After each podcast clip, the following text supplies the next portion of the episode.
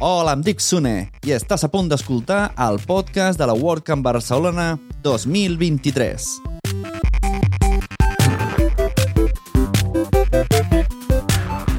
La WordCamp Barcelona es va celebrar els dies 5 i 6 de maig a les Cotxeres de Sants i a la Pompeu Fabra.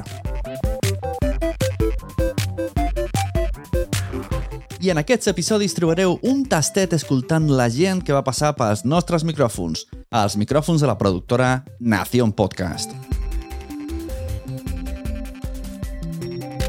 Benvinguts, bienvenidas, poneos còmodos, poneos còmodes, que comencem. Sigueu benvingudes i benvinguts al podcast de la WordCamp Barcelona 2023.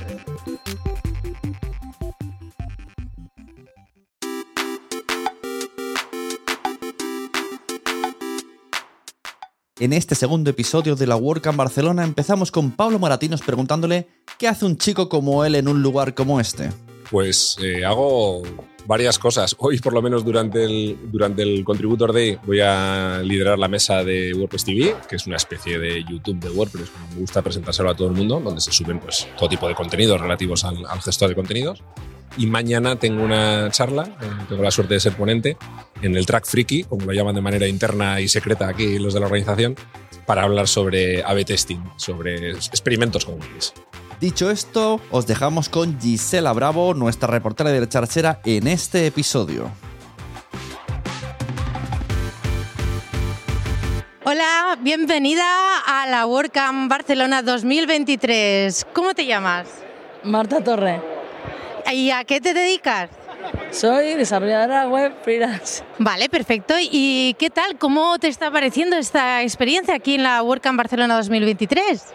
Pues me parece que está de puta madre, que nos lo estamos pasando muy bien y he ido a ver ya un par de ponencias y súper de muy buen nivel. Bueno, perfecto, pues esperemos que te acabe de gustar toda la experiencia y que te lo acabes de pasar genial. Pues muchísimas gracias, Marta. Que vaya muy bien. Muchas gracias.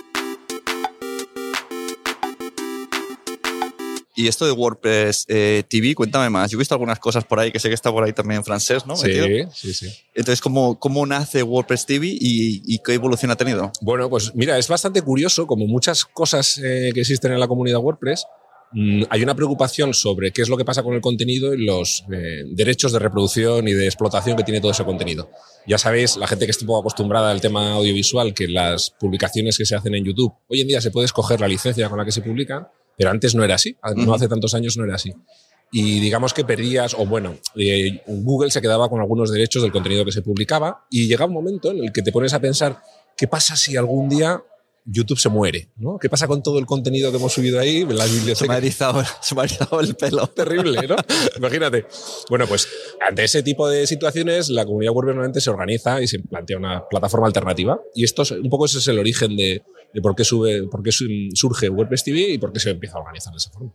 Ajá. Y aquí exactamente que en la mesa, ¿qué es lo que vas a contar? Bueno, la gente no sabe de dónde salen los vídeos que se publican y a veces no sabe cómo es el proceso. Como todo, hay un, un conjunto de voluntarios que son los que, eh, por una parte, grabamos muchas veces esos contenidos, como por ejemplo en WordCamp Barcelona, todas las charlas que se van a dar se van a grabar.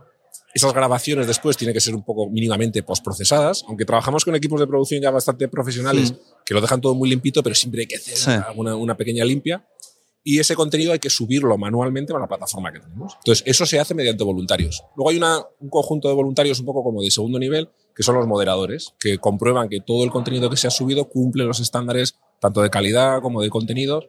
Al, no, no, no, no es eh, calidad en cuanto a que el contenido sea bueno o malo, sino a que cumpla los códigos de, de WordPress. ¿no? Y una vez que se aprueba, pues ya se publica directamente en la plataforma. Es un, es un tipo de gestión como muy administrativa, por decirlo de alguna manera, pero tienes la suerte de poder ver eh, muchos vídeos de cosas interesantes sobre WordPress mientras estás colaborando. Claro, claro. ¿Y mañana qué es lo que has dicho que vas a hacer? Mañana tengo una charla sobre A-B testing, que es una, un tipo de, de estrategia de marketing Ajá. que consiste en ver cuáles son las cosas que mejor funcionan a la hora de conseguir tus objetivos de marketing. Con tu Qué bien página web. suena. Sí, eso es muy bien, pero es tan sencillo como imagínate que tienes un formulario en tu web para captar, eh, no sé, suscriptores o clientes que te envíen una solicitud de presupuesto. ¿Qué puedes cambiar en el diseño para que eh, la gente cuando llegue a ese sitio sea más susceptible de enviar la propuesta? ¿no? cómo el diseño y a veces el contenido cómo puede influir en que recibas más solicitudes. Ah, pues sí, qué interesante, porque ya que han conseguido llegar a ese formulario, por lo menos que lo rellenen con gusto. Claro, imagínate, por ejemplo, en el caso de una web donde estás distribuyendo un podcast, pues Sí. cómo puedo conseguir que más gente haga play. Claro. No solamente el, el- el- el contenido que hay en el audio, sino cómo estás presentando ese contenido visualmente, va a haber más gente que haga play que otra. Pues es un poco. Ahora me interesa esto, esto Claro. yo poder escucharlo, aunque esté en esta mesa, yo puedo luego, luego Claro. consumir ese contenido. Yo es que lo llevo siempre al, al nicho que corresponde cada momento. sabes, sabes captar el, el- el momento.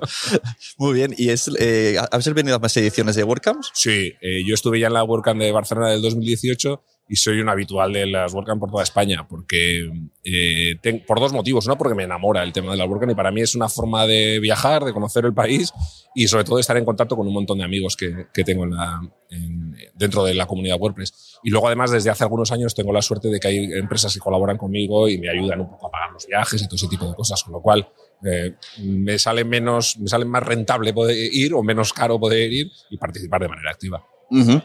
¿Y qué, qué es lo que más te suele gustar de una WordCamp? Y, qué, y si hay algo que siempre dices, me gustaría que se mejorase, no mejorase, pero como una idea que dices, nunca la veo, la espero y... Sí, mira, a mí lo que más me gusta, desde luego, es la- las relaciones humanas. ¿eh? La parte un poco. Seguramente, si has hecho esta pregunta a otras personas que estén por aquí, habrán respondido parecido.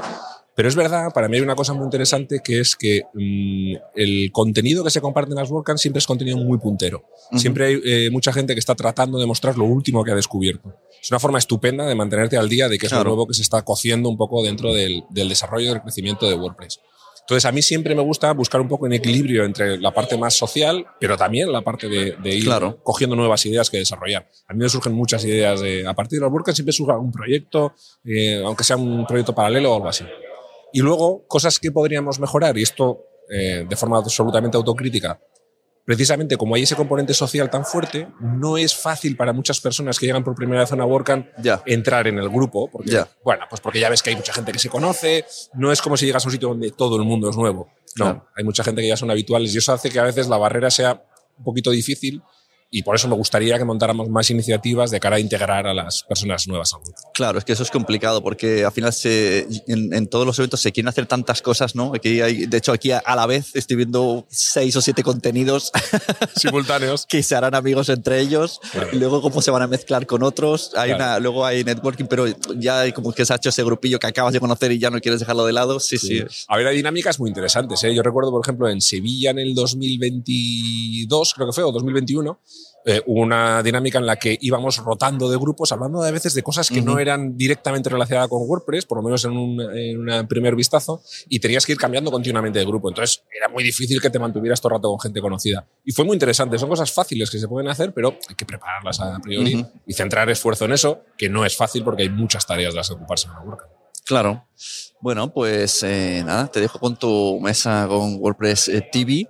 Esto, eh, ¿dónde, dónde, dónde lo echan? en wordpress.tv. Es tan sencillo como Eso sí. eso. Fíjate qué fácil. Muy bien. Pues muchas gracias, Pablo. A Nos vemos. un placer. Hasta luego. Hasta aquí el segundo episodio de la WordCamp Barcelona, el podcast.